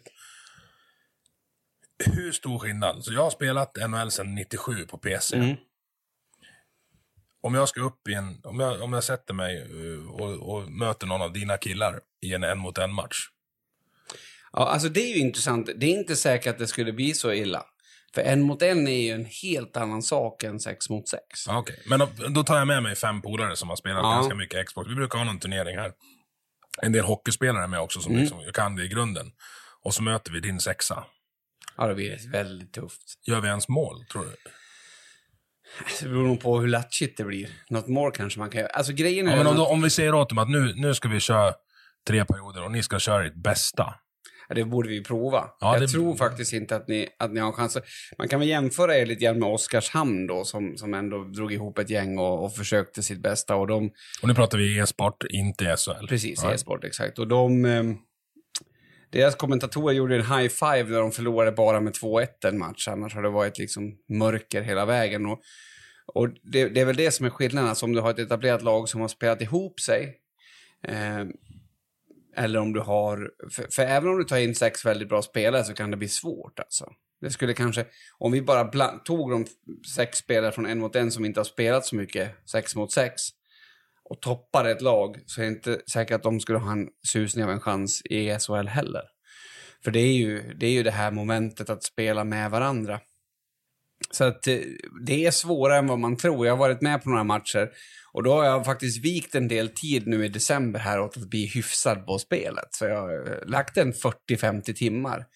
Eh, dels som, du vet, förströelsetid och, och sådär, men också för att kunna spöa mina barn det kan jag inte, men jag försökte i alla fall. Eh, och, och ändå så står jag liksom med huvudet i sargen för att man är så van vid att när pucken går vidare så styr du ju nästa gubbe. Nu ska du styra samma gubbe hela tiden. Mm. Det, det tror jag är det som är det svåra. Sen om ni ska vänja er och så. Men nej, jag, jag tror inte att ni har en chans. Nej. Nej. Vi får se till att göra det. Ja, det måste vi göra. Kanske streama. Känner du någon som kan sånt? Ja, absolut, det kan jag. Du, e- e-sport i allmänhet då? Hur mår, kan man, kan man säga genren, alltså hur mår, hur mår e-sporten? Den växer ju så att det bara visslar om det. Eh, på alla sätt och vis. Vi har eh, eh, i Sverige nu allsvenskan, vi har det här med SHL, vi får se om det fortsätter, det vet vi ju inte. Eh, och sen så de vanliga turneringarna och, och spelen tycker jag också fortsätter att växa. Man pratar ju om, om månghundra miljon dollar belopp per år som liksom hela branschen växer. Sen tar väl det stopp någon gång också, Och var jag. kommer de pengarna ifrån, alltså prispengarna? Är det, är det Valve och Electronic Arts, är det Arts eller är det sponsorer? Alltså Valve och Electronic Arts är, är de så här, plattformarna eller Ja, E- varumärkesägarna. EA är, har ju fått mycket kritik för att de inte är så e-sportsinriktade. De är mer sugna på att sälja sina spel till alla och sen Mm. skiter de i det. Men de har ju blivit mycket, mycket, mycket bättre bara på slutet här. Och um, Valve, de delar väl också ut lite pengar, men det är mestadels pengar från, från folk och från sponsorer Mm. eh, fortfarande. Och det tror jag att det kommer fortsätta vara. Eh, det som vissa spel gör ju att de säljer saker i spelet, alltså digitala hattar och hjälmar och tårtor och allt möjligt. Och sen så ger man en del av de pengarna till prispotten också. Det är ju lite weird, eh, tycker jag fortfarande. Eh, Alltså det här med att, att man kan köpa ett, ett item i ett spel som inte går att ta på, eh, som man kan se bara. Mm. Och som som, inte ger någon fördel i spelet. som också. inte är någon fördel i spelet och som kostar hur mycket pengar som helst. När jag började spela Fortnite, som ju är gratis att spela, Mm. då bestämde jag mig för att inte en krona ska jag lägga på liksom min, min outfit i Mm. spelet. Har du klarat det? Sen släpper de ett Stormtrooper-skin. Ja. Fullkomligt oemotståndligt. ja. Det, jag, jag var, alltså, ett sånt hobby, jag har inte haft ett HBR för något sånt som, för det finns ju inte. Nej. Det är pixlar Ja. på min skärm och de jag spelar mot skiter i hur jag ser ut. De Ja, ska ju bara ha ihjäl mig. Nej, det är så dumt. Så du köpte det? Ja, ja, ja, jag spelar med, det är det enda skin jag kör. Ja, okej. Men och då kanske du klarat det ganska bra ändå. Men, men, men det sjuka är också att eh, i, i andra spel så har du ett andrahandsvärde på skins också. Så du kan sälja dem vidare. Och där blir det ju superkonstigt. Jag fick ju en, en, en krok till en av mina karaktärer. Alltså, Pudge heter han. Han kastar en krok och träffar han en motståndare så rycker han in den till sig. I vilket spel pratar vi? Dota 2 bra. Men då är, det, då är det en item som, är, som är, förstärker din karaktär. Nej, nej, nej. Han Nej. har den kroken ändå. Det var bara att den här gjorde Jaha, det är ett skin till ett kroken. skin till kroken. Och eh, när jag skulle spela den gubben, när jag satt och spelade någon kväll, eh, lite sådär, så sa jag skämtsamt, fan den här borde någon av er som tittar på köpa till mig. Den kostar ett och ett halvt tusen, så att det var därför jag sa det. Liksom. Jo då, fick blink sa det i, i spelet och så har någon gett mig den kroken. Så jag bara, shit, ni är ju galna och var väldigt tacksam såklart. Och så har jag spelat med den här kroken. Sen var det någon som sa att fan gå in och kolla vad den där är värd idag ska du få se. Den är värd 9000 idag. Och det är så här, ja, jag tycker att det är så fnissigt, jag kommer ju aldrig göra mig av med den här kroken, jag ska ha kvar den jämt eftersom jag fick den. Men det blir så här, hur kan den vara värd 9000? Det är, en, det är, det är liksom en krok. Jag ser framför mig om hundra år när eh, då framtidens version av Antikrundan liksom får tag i din inloggning och bara Den här är... Tänk om det blir så på Antikrundan, man Det kör Steam-items. Helt övertygad om att det kommer, kommer bli så. Kanske. Nej, så att... det- Annars startar vi den Antikrundan som Ja, ett sidospår. E-Antikrundan. Ja. Ja, nej, så det är ju lite... Och så har de gjort då, det är det som har gjort att Dota 2 har så fruktansvärda prispengar. Det är att de, de säljer ett kompendium. Du får en liten bok som handlar om vilka lag som är med och sådär. Och sen så, när du har den här boken så, så, så kan du uppgradera den som levlar den. Och då kan du få skins och, och saker på vägen. Det här är ingenting konstigt egentligen. Och då säger Valve att de är ju jättesnälla så att en del av, pris, av pengarna går ju då tillbaks till prispotten. Mm. Och som jag sa, jag tror att det var 10 miljoner dollar sist. Och eh, då har Valve gått in från början med en och en halv miljon dollar. Så vi har åtta och en halv miljoner som man har samlat in. Mm. Det är 25 procent bara dock av försäljningsvärdet av den här låtsasboken. Så att Valve framstår som att de bjuder, Mm. men de tjänar pengar så att det bara visslar om det. Och, och pengarna kommer ju... Det finns ju en risk att det förstör spelet också. För att, du vet, om, du, om, vi, om vi pratar en, en sportturnering, en vanlig sportturnering. Du och jag ska kolla vem som marklyfter mest. Skitsamma vem som vinner pengar eller om man ens är en t-shirt. Att du vet att du är starkare än mig, det kommer räcka för ett halvår framöver. Jag vet inte om jag är det. Ja, det tror jag. Vad markar du då? Ja, men jag, har ju- jag har fan opererat ett diskbråck i Ja, september. nu, nu börjar det komma ursäkter. 180 kanske? Ja, då markar du mer än mig just nu. Jaha. Mm. Ja, ja, då kan vi ha den där tävlingen. Ja, det, Nej, men poängen är att då nöjer vi oss med det, för att det, det finns en stolthet, det finns en... Det är det som sport handlar om. Liksom. Vi slog, och så kan vi näga lite om det och så, så provar vi igen och. Det är för, om, om vi betalar alla som skulle hålla på med marklyft, så att det finns en annan turnering, nästa hus, där du får en 500 om du vinner. Då börjar vi närma oss att du är dum i huvudet om du hellre ställer dig här då och markar med mig och inte Ja. får någonting. Men det händer också det är ju att du går dit och sen så inser du att fan då kom det ju en snubbe ifrån från eh, Nusnäs här. En apstark snubbe från, från där och vinner alla pengarna. Så det var inte så jävla roligt att vara med där ändå. Och när du kommer tillbaka hit och har lagt ner den här, typ, för varför skulle jag tävla mot mig själv? Och det är det som håller på att hända med e-sporten, att man köper upp så att det blir väldigt många som är, väl, eller, där, de som är bäst.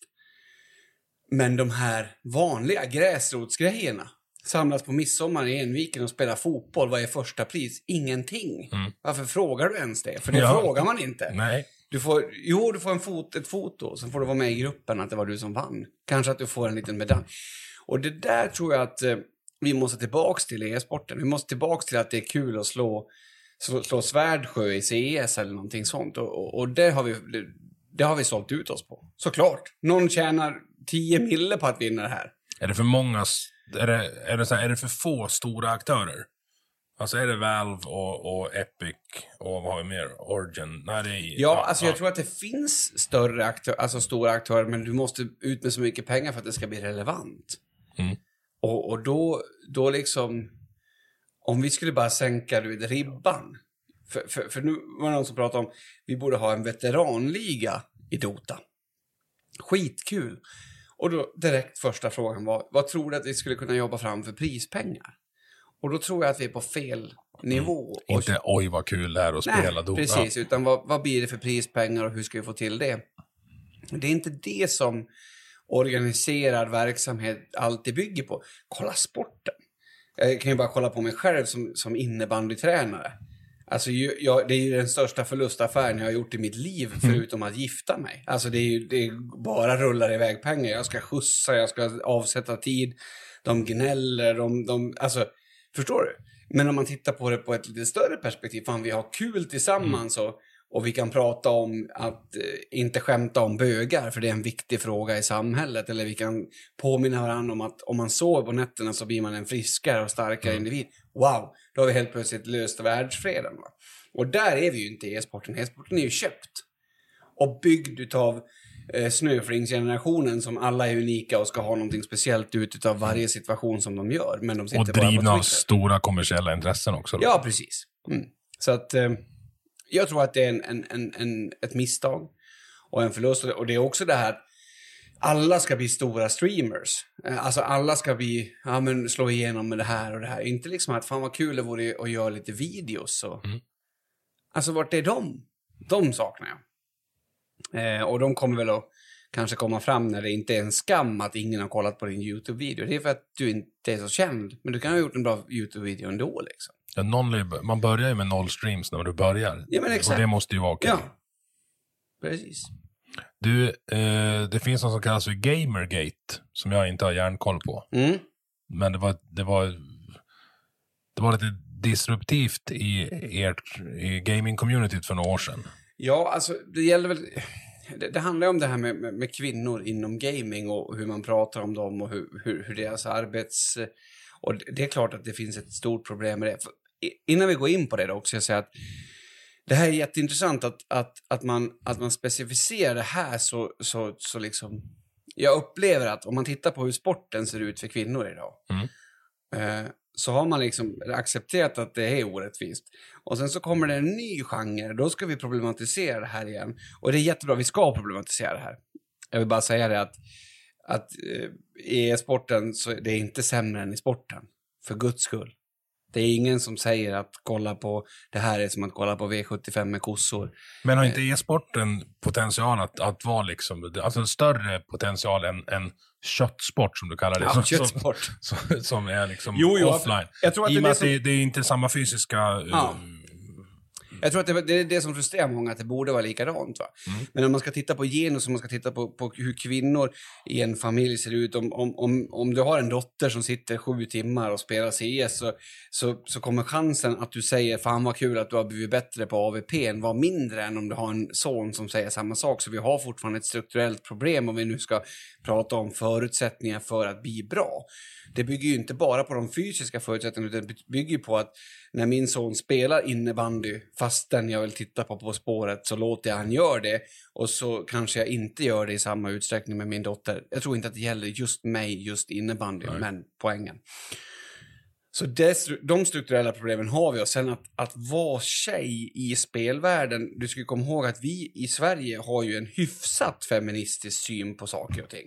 Jag ska inte säga att det är, att det är briljant. Jag tror att kvinnor fortfarande gör sex timmar mer eh, hushållsarbete per, veckor, per vecka män.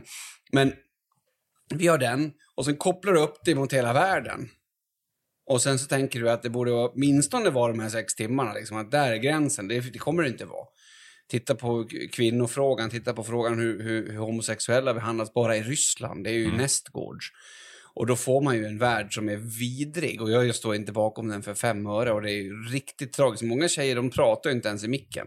Många spel har ju idag att, att du bara kan prata i micken så vet folk var du står och vad du vill göra. Och, och det är ju superbra, men om man hör att det är en tjejröst då så bara blä.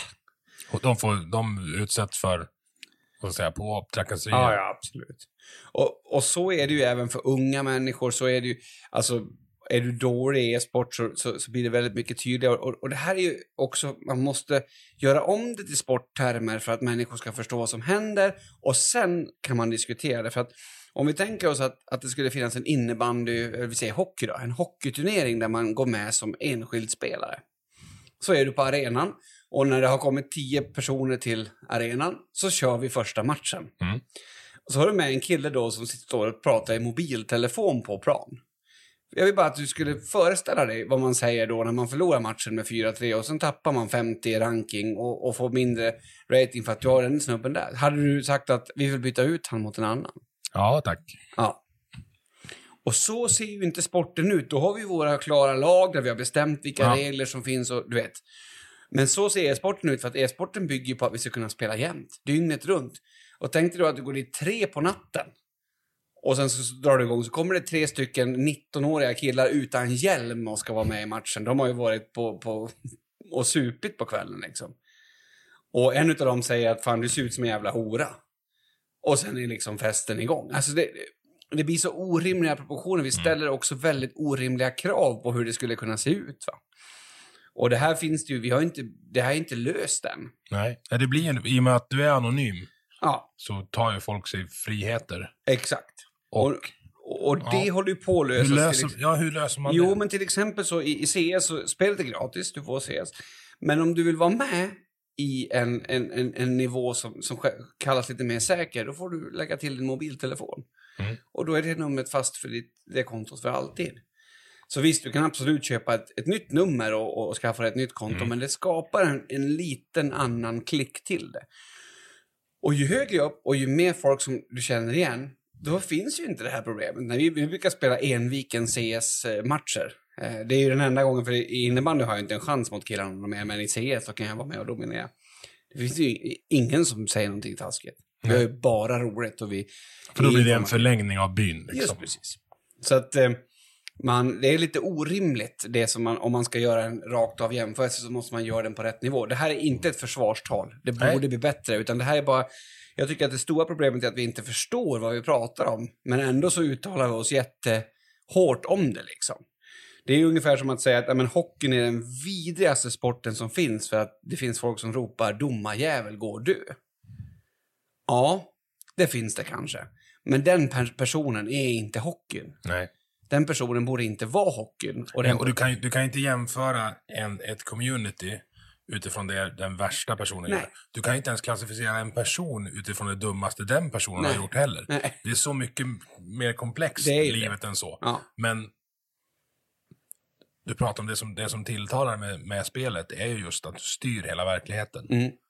Så det blir ju en annan verklighet. Jag tror att det är det som tilltalar mig med hockeyn också. Att du, du vet liksom vilka som är med och mot dig och du vet Mm. om du har vunnit eller förlorat. Och, du, du, ja.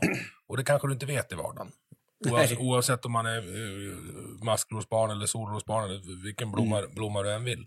Nej, men absolut, så är det definitivt. Och, och, och man ska inte låta de här personerna definiera det heller. Men sen samtidigt ska man ju få de som sitter närmast den här personen att Och ifrån. säga ifrån. Ja. Och när vi gör det, då kommer ju inte de här personerna finnas i vår närhet mer om den närmsta alltid säger ifrån. Nej, för jag har, ju, jag har ju två döttrar. Och jag tänker att vi ska spela dator. De Mm. äldsta spelar ju sina, liksom, ja, någon memory liknande på, på iPaden ibland och lär sig, lär sig läsa och så. Men jag är ju livrädd för när de ska skaffa sin eh, Snapchat. Eller, eller börja skaffa Facebook-profil. Mm. Eh, Just för att det finns, det finns as där ute. Ja, det gör det definitivt. Och det såg, P1 hade en dokumentär nu om någon som hade jagat, jagat småpojkar på Steam. Jag vet inte om du, om du lyssnar på den. Nej. Nej, men alltså en, en pedofil som är ute och, och, och jagar. Mm. Och hur skyddar man sig från det? Eller hur skyddar man sina barn från det? Men alltså, där, där kommer ju, där kommer ju det här problemet som, som jag ser väldigt mycket. Vi, jag, har föreläst lite om det och pratat med föräldrar om det. Och det är att föräldrar har ju noll insyn i vad som händer där. Mm. Alltså för att man, man, man kan inte formatet, man förstår inte spelet, man förstår inte språket. Så antingen har du föräldrar som kliver in och säger så här, fan du gjorde den där gubben en emot, så där gör man inte. Och sen så upptäcker barnen att, "Nej, vänta nu, jo, det gör man. Det här är ju språket, du fattar ju ingenting. Och sen så har man klyftan. Eller så har du barn som säger så här, där eller vuxna som säger till barn, det där förstår jag inte. Så det där får du göra som du vill. Mm. Det är inte bra. Och det är precis lika illa. För att du, du, skapar en klyfta. Det, gå ner på en hockeymatch med din, när dina barn tränar och sen så säger du varför, varför skjuter du inte utspark med bollen? Så kommer de att säga du nästa gång så är det okej om vi åker med grannen. Du måste ju hänga med i vad ungarna gör. Därför måste du förstå spelen, du måste förstå sociala medierna så att du kan ha en diskussion med dem om specifika situationer och det man gör i de här spelen. Och det tror jag många misslyckas med. Eh, vi har en, en enkel regel hemma att om du spelar ett rankat game med dina kompisar och har frågat om det innan, då kan du inte bli störd. Inte för att äta ens en gång, inte för att läsa läxor, utan du, den tiden får du. Sitter du och ströspelar och du har inte frågat innan, då får du komma och äta när maten är klar. En väldigt superenkel regel som vi har. Ja. Och, och då kan vi ju, när han sitter och ströspelar, då, det, det kanske inte är så mycket att prata om. Man kan fråga vad för spel, men när han har spelat en riktig match kan man ju prata om hur gick det och, Mm. och, och sådär. Precis som man gör i, i, i fotboll eller hockey. Köttsport. Ja. Mm. Och sen kan man vara med. Det tänker jag att det är jävligt ballt. Eh, en av mina drömmar slog ju in här i år faktiskt, för nu har han blivit så gammal så han får vara med och spela när vi spelar motionsfotboll. Så nu kör vi i samma lag. Mm. Men det har vi gjort i tio års tid i CS. ja. Skitkul. Är jag naiv när jag tror att, att min generation kommer ha lättare eh, att förstå det? För det har ju varit en digital revolution. Eh, väldigt pretentiöst uttryck. Men, men så här. När jag var 15 så var det Mm. en legitim fråga till klasskompisarna att fråga Har du internet hemma? Mm. Det kommer jag, jag kommer aldrig kunna förklara det för mina ungar. Nej. Alltså jag tror att på ett sätt så är vår generation mer förberedd. Men på ett sätt så är det också väldigt farligt att tänka sig att man är mer förberedd. Mm. För att vi vet ju inte hur de här medierna och de här spelen ändras. Jag, jag tänker bara liksom att, att kunna följa med i en diskussion om Fortnite kräver ju att man förstår vissa ord som har skapats bara runt det spelet. Eh, och eh, kanske inte för att vara en bra förälder, men för att vara en, för att vara en riktigt bra förälder i alla fall så kan man behöva det. Eh, och där har vi ju mycket i annat också, liksom. Snapchats och, och, och alltså hur skriver man? Vad betyder det där? Vad, vad är det för underton i det här? Hur kommer det kännas i skolan när man kommer och någon har skrivit så där kanske ingenting? Och, och jag tänker att det här kommer att, vi, vi måste hålla oss uppdaterade och vi får inte tro att, Ja, men vad fan, min farsa, du vet, han fattar ju ingenting. Han sa ju till mig, du har väl aldrig jobbat? Bara, bara 15 timmar per dag, pappa. Nej, och det var det han, alltså han menar allvar. Mm. Du har aldrig jobbat. Eh, mer än när jag jobbade svart med han då. Eh, när jag var typ 14. Det var Mm. ju jobb. Och då blir det ju en, en lucka som inte går att fylla. Men om, om man i andra sidan tänker sig att ja, men det här kan jag. Det tror jag är förrädiskt.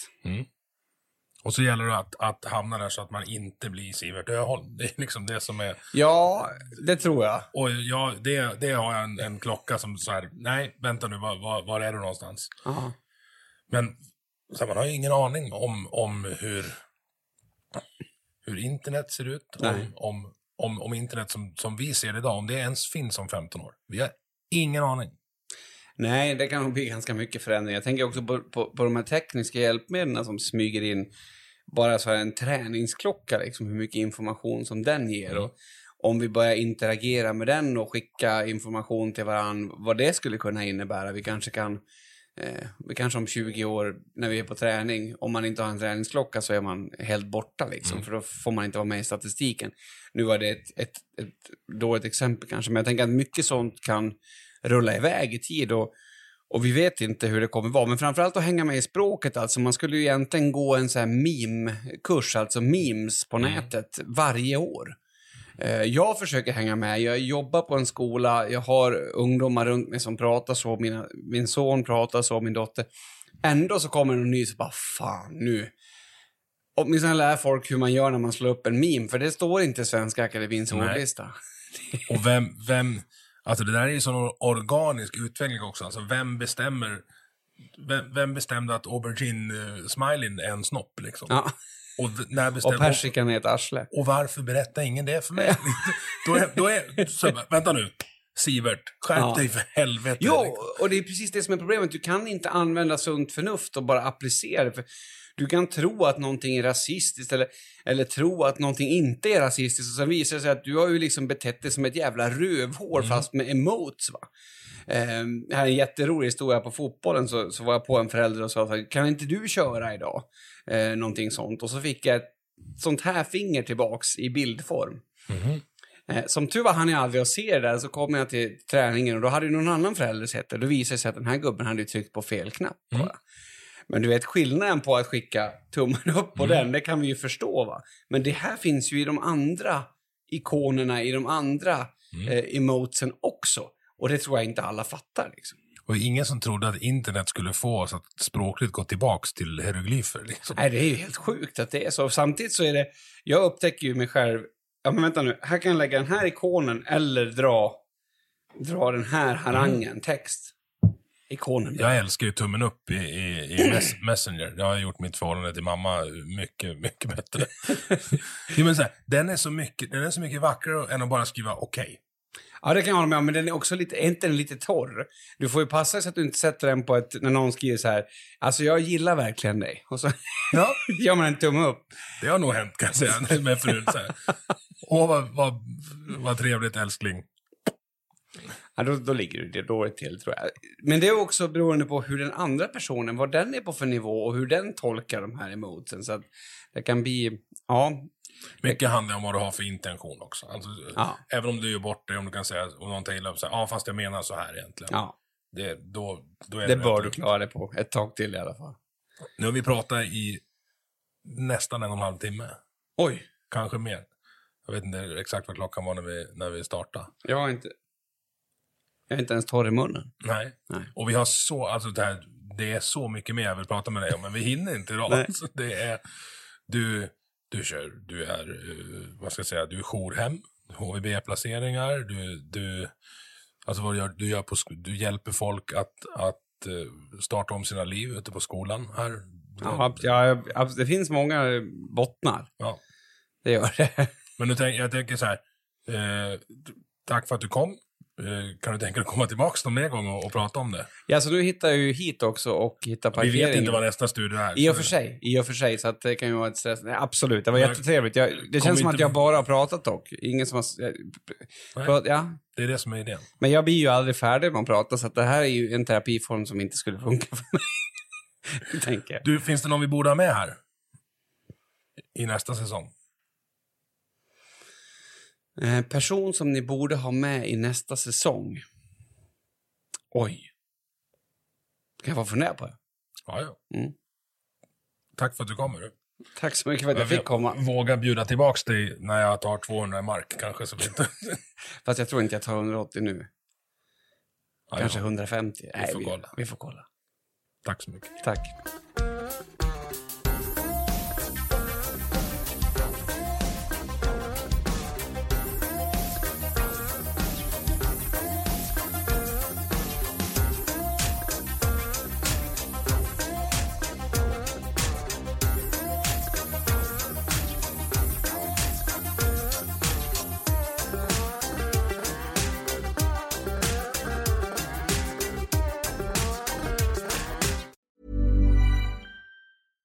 Ever catch yourself eating the same flavorless dinner three days in a row?